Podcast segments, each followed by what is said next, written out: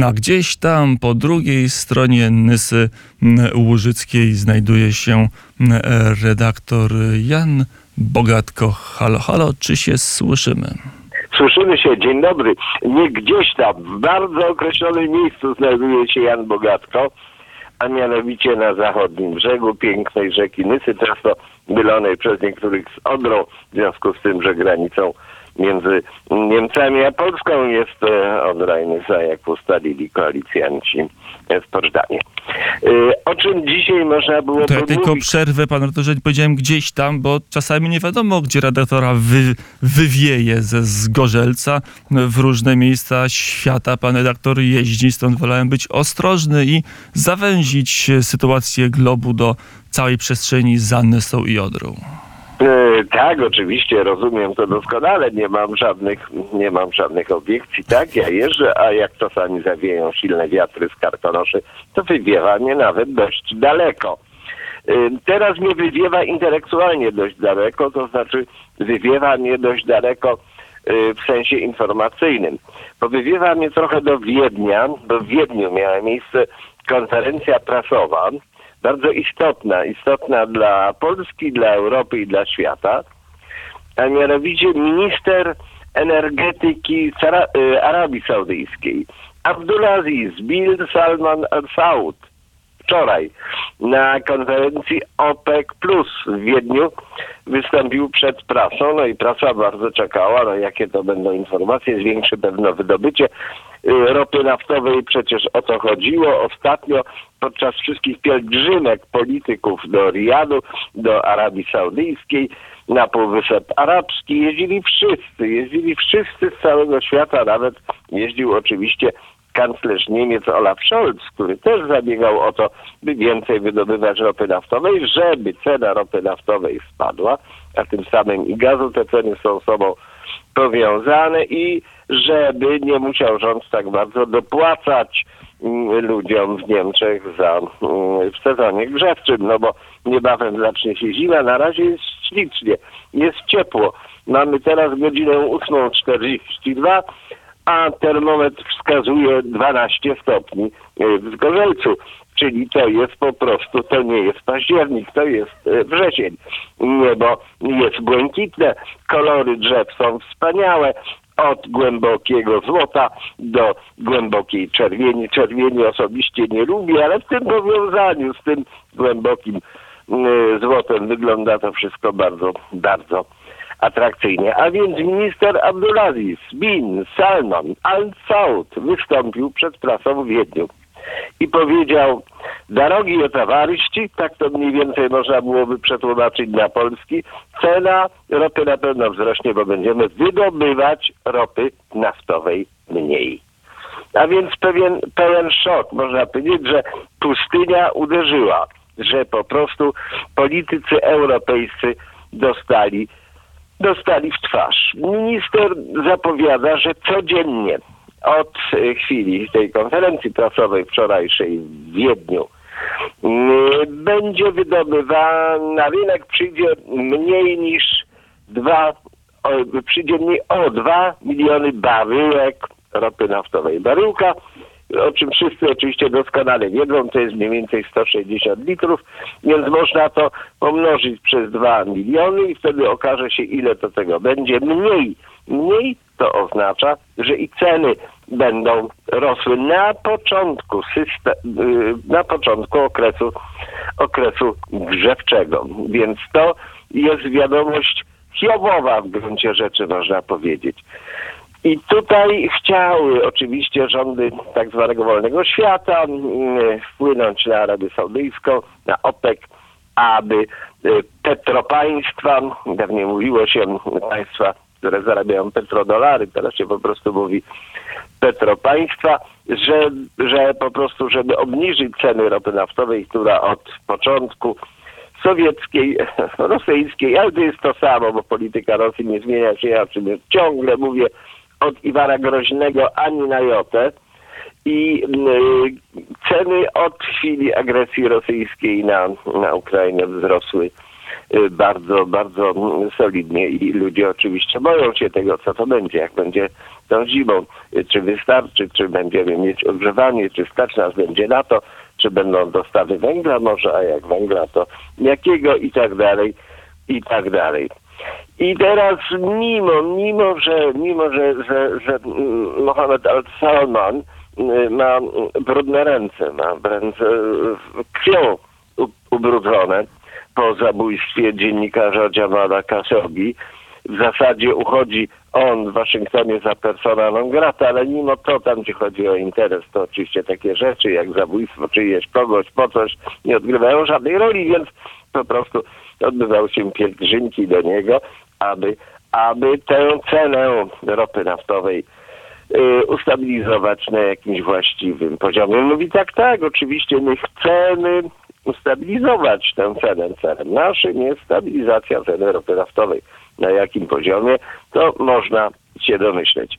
W każdym razie No, po prostu senator Chris Murphy, to jest demokratyczny senator, demokratyczni senatorowie nie są też, y, jestem ich, y, że tak się wyrażę, absolutnym zwolennikiem, ale powiedział, że to jest właśnie bardzo rozczarowujące, co on zrobił, że to jest wielki błąd, który, który popełniła Arabia Saudyjska i dodał, i to jest bardzo ważne zdanie, z którego może wynikać niesamowita zimowa polityka. I to musi być ukarane. Ukarane, ale jak?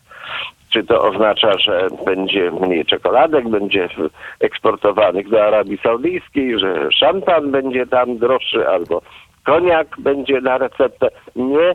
Będą to najprawdopodobniej posunięcia o charakterze wojskowym, ale nie takim, że ktoś zaatakuje nagle y, piaski pustyni, czy też to, co się na nich znajduje, po to, by doprowadzić y, zbuntowane książątko do jakiegoś, y, do jakiegoś stanu normalności. Nie.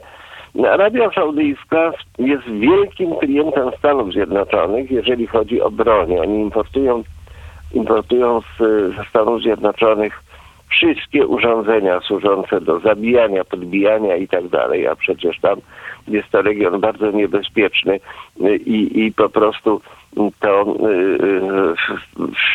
y, y, Arabowie w Arabii Saudyjskiej boją się, że któregoś dnia skończy się cudowna era feudalizmu i przejdą od razu do innej ery feudalizmu, to znaczy do komunizmu. No to będzie miało ten klucz, że znikną piaski pustyni i przestanie płynąć ropa naftowa, ale to będzie bardzo źle wpływać na ceny tej ropy naftowej z pozostałych państw na świecie. Wiem, jak to było w Wenezueli, jak się ona zaczerwieniła, jak się zaczerwieni Arabia Saudyjska. Będzie bardzo, bardzo podobny rozwój. To już można sobie wyobrazić. Arabia Saudyjska oczywiście zapewnia, zapewnia ustami rzecznika Saudi Aramco, to się nazywa państwowa, państwowa mm, firma wydobywcza ropy naftowej, no państwowa, czyli należąca do książątka, ci- cioci, wujków i tak dalej tej, tej, tej dynastii, mm, mm, ponieważ do nich należy tam wszystko. W związku z tym także i ropa, no to to jest ważniejsza oczywiście od mieszkańców tego kraju.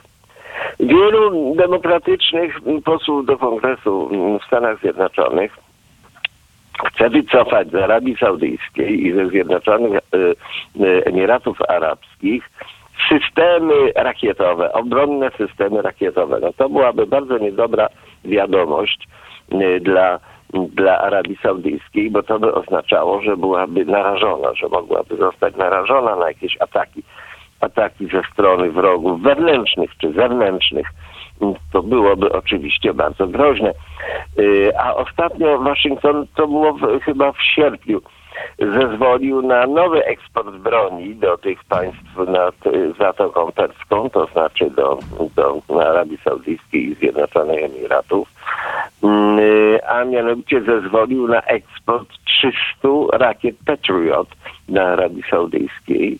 No, co mogą zrobić Stany Zjednoczone? No, mogą powstrzymać dostawę tych, dostawę tych rakiet i mm, Saudyjczycy będą musieli się zapytać, czy mm, dokonali jakiejś dobrej politycznej, mm, czy podjęli jakąś dobrą polityczną decyzję, którą zakomunikowali w Wiedniu. Mm, Ale mm, Saudia jest y, A, bogata, B, bardzo dum, dumna i trzecia, no, oni nie ulegają jako dyktatura jakimś presjom, to presjom ulegają tylko demokracje, bo mm, w dyktaturze trudno jest przekupić dyktatora w demokracji, natomiast mm, rachunki bankowe ma każdy, który podejmuje jakieś decyzje i to można rozwiązać w sposób przyjazny dla obu stron i w związku z tym można ominąć wszystkie przepisy, zakazy, nakazy, jakie ktokolwiek kiedykolwiek wydał, no ale to jest stare, stary spór między tym, co jest lepsze. E, Czyli, e, nie będę tego sporu tutaj prowadził, bo nie o to tutaj chodzi. No, no Saudyjczycy są zależni od Zachodu, ale nie w takim stopniu jak Zachód od Saudyjczyków. Jeżeli teraz tych 106, e, tych, tych, te 2 miliony baryłek po 160 litrów będzie na rynku mniej, to ceny podskoczą odpowiednio do góry i to w tym czasie, kiedy już są horrendalne i to może uderzyć i uderzy z całą pewnością, z całą ostrością niemiecką, mm, w europejską, polską, amerykańską gospodarkę i będzie to przykre. Ta decyzja podjęta w- Riyadzie to jest afront przede wszystkim dla Joe Bidena, ponieważ mm, w lipcu on przeskoczył przecież sam samego siebie i y, po prostu e, jakieś zachowując się honorowo, niejako czyniąc honory Mohamedowi bin Salmanowi, a to już jest, jest bardzo ważne. Od czasu, kiedy w Waszyngtonie panował mm, prezydent y, Obama, politycznie świętej pamięci, mm, y, mm, zaczę, zaczął zabiegać prezydent Obama o to, aby, aby osłabić w pewnym sensie Arabię Saudyjską. To się, to się mści teraz e, w pewnym sensie. Mm, Aczkolwiek to nie jest na pewno jedna, jedna przyczyna, dla których, dla których Arabia Saudyjska e, wchodzi na jedną linię polityki z Rosją i popiera także i Chiny w tym wszystkim. I to mm, może wywołać dalsze skutki, które są dzisiaj jeszcze w czwartek trudne do przewidzenia, a które mogą się ukazać nawet już w przyszłym tygodniu bardziej, bardziej widocznie. I to mm, nie tylko, że uderzy w nas, ale może uderzyć w efekcie też w Arabię Saudyjską. I tutaj mm, Riyad mm, uważa się, że Stany Zjednoczone go zdradziły, bo Obama flirtował z Iranem, no i to teraz. Ale teraz, jeżeli nie będzie miał obrony ze strony Bidena w postaci rakiet Patriot, to nie wiemy, jak się zachowa Iran. Iran też ma ropę naftową. Może Amerykanie teraz zrewidują swoją politykę w polityce, względy i sentymenty się nie liczą. Może nagle zaliczać się będzie Iran do tych dobrych, a Arabia Saudyjska znajdzie się w gronie tych złych. Tego, tego wszystkiego w tej chwili jeszcze nie wiemy. A co się w Niemczech jeszcze ciekawego dzieje? A więc bardzo dobra wiadomość, bardzo dobra wiadomość dla mieszkańców kolonii, e, zwłaszcza wyznania mahometańskiego, bo po raz pierwszy, od, od dzisiaj chyba już, Dzisiaj czy od jutra, jutro jest, y, nie, od, od jutra dopiero, bo piątek będzie jutro. Y, y, Muzein w kolonii Ehrenfeldzie będzie mógł przez megafon, przez 5 minut między 12 do 15 wzywać do modlitwy. W ten sposób spełnią się sny kaplana o kalifacie islamskim, o kalifacie kolońskim. On założył taki ileś tam lat temu, później został skazany w Turcji za to w taki czy inny sposób na ileś tam lat więzienia, ale, ale kolonia staje się państwem coraz, y, miastem coraz, coraz bardziej islamskim. Pamiętam, mieszkając w Bonn, mieszkałem w pewnej dzielnicy amerykańskiej i tam był mały kościółek, mały kościółek protestancki na tym terenie. No i ktoś tam złożył jakiś ostry protest, bo dzwon tego kościoła był za głośny. Kazano mu y, temu kościołowi wyłączać ten, ten dzwon, żeby nie przeszkadzał komuś w śnie. No dobrze, yy, w śnie w ciągu dnia oczywiście chodziło o drzemkę poobiednią, domyślam się. Yy, Więc yy, to świat rozwija się w jakimś określonym kierunku. Nie ma nigdy zastoju, jeżeli chodzi o rozwój. Tylko czy to jest pożądany kierunek, to jest, to jest już zupełnie, zupełnie inna rzecz. Jeszcze jeżeli jeżeli się zatrzymamy przy sprawach niemieckich troszkę, to może powiem coś o mm, problemach niemieckich. I kolei one się spóźniają, mm, pociągi po prostu jeżdżą niepunktualnie. Kiedyś można było ustawiać według nich zegarki, dzisiaj trzeba brać z sobą plecak z jedzeniem na wszelki wypadek, jak się wyrusza w dalszą trasę. Ja sam byłem w początku maja, na początku maja byłem w Bonn na, konferencji, co się okazało, że trzeba Mnóstwo jest przesiadek po drodze między moim pięknym Zgorzelcem niemieckim a Bonn, bo to jest Drezno, bo to jest Frankfurt nad Menem, bo to jest yy, Wiesbaden i wreszcie i wreszcie jest yy, Bonn, ale czasami trzeba jeszcze dodatkowo przesiadać się w kolonii. Okazało się, że cały plan podróży się rozsypał. Rekord spóźnienia to był jakiś pociąg, który właśnie miał jechać do Frankfurtu nad Menem. To on miał 720 minut opóźnienia, no więc to przypominało najczarniejsze e, czasy e, czerwonej sowieckiej Polski, gdzie się zdarzały zimą takie opóźnienia. Uspokojano nas, że to jakaś awaria kabla. Dzisiaj wiemy po tych nowych zamachach, które miały miejsce, bo nie wierzy się tylko w zamach mm, mm, smoleński, ale we wszystkie inne się wierzy, bo to na pewno robił zły Putin, a tamtych innych nie mógł oczywiście zrobić zamachu w Smoleńsku. Demokrata e, czysty jak brylant. No więc e, te wszystkie, te wszystkie zamachy na, na, na kable sprawiły, że pociągi przestały jeździć w taki sposób, jaki, do jakiego byli do tej pory Niemcy przyzwyczajeni. Teraz się o tym już publicznie mówi, że coś jest nie tak. Wskazuje się na przykład na przeciek w rurociągu przyjaźni, czyli drużba, jak się tutaj go nazywa po rosyjsku, bo to ładnie wygląda, że to jednak może być również dzieło jakichś terrorystów, no więc w ogóle zima zapowiada się, zima zapowiada się dość, dość ciekawie.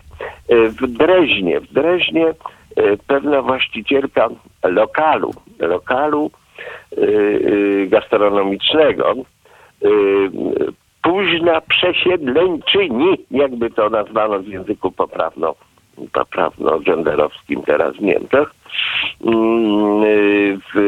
z tak zwanych niemieckich, nad, Niemców nadwołżańskich prosi Putina o to, by zbombardował Drezno, bo to oni po prostu rakiet puścił na to miasto, bo tam jakieś, jacyś Ukraińcy protestują i domagają się czegoś od Niemiec, a ona sobie tego nie życzy. Nie po to prowadzi rosyjską restaurację i nie po to sprzedaje tam swoje, swoje wyroby i karmi swoich ludzi, żeby jej żeby jej przeszkadzali inni, którzy mówią, że rosyjska flaga im się nie podoba, a to jest najpiękniejsza przecież flaga na świecie, a ona się skarży wobec dziennikarza, że grożą, że grożą im zabójstwem, takie różne rzeczy. No nie wiemy kto, czy Ukraińcy mieszkający w Dreźnie, czy, czy inni, czy inni e, mieszkańcy tego miasta. Ja tylko wiem, że Drezno było zawsze miastem strasznie prorosyjskim, nie tylko dlatego, że mm, demokrata czysty Jaguza pochodzi z tego miasta, w sensie, y, że mieszkał w tym mieście jako agent y, czy rezydent wywiadu KGB, a mianowicie pan prezydent Putin. Nie, to miasto było zawsze tradycyjnie prorosyjskie. Widziałem tam takie demonstracje. Dlaczego my jesteśmy antyrosyjscy, bądźmy bardzo prorosyjscy? Jeszcze parę lat temu było. Teraz to wszystko jakoś chwilowo ustało, no bo w obliczu wojny na Ukrainie nie bardzo chyba wypada ale mimo to y, ludzie tutaj w tym, w tym regionie są bardzo prorosyjscy. Spotykałem się z tymi ludźmi, spotykam się po dzień dzisiejszy. To wcale nie jest takie, takie jakbyśmy sobie wyobrażali, że tak wyglądają Niemcy. I tą wyobraźnią, panie redaktorze, będziemy dzisiejszą korespondencję kończyć. Jan Bogatko, Studio Zanesą. Dziękuję bardzo za rozmowę i do usłyszenia. Do usłyszenia.